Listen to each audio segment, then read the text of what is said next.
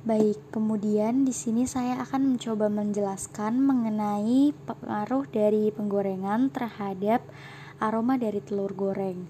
Berdasarkan jurnal yang saya temukan, uh, adanya senyawa volatil yang terbentuk dari uh, penggorengan telur goreng. Yang pertama adalah EE 2,4 dekadinal, 2 nonenal, dan 1 okten 3 ol. Nah, ketiga senyawa tersebut terbentuk dari autooksidasi asam lemak omega 6 seperti linoleat dan arachidonat. Kemudian yang kedua adalah E2-andesenal, E2-desenal, dekanal, oktanal, dan nonanal terbentuk dari autooksidasi asam lemak omega 9 seperti asam oleat. Kemudian yang terakhir adalah 2,4 heptadinal dan 3,5 oktadin 2 1.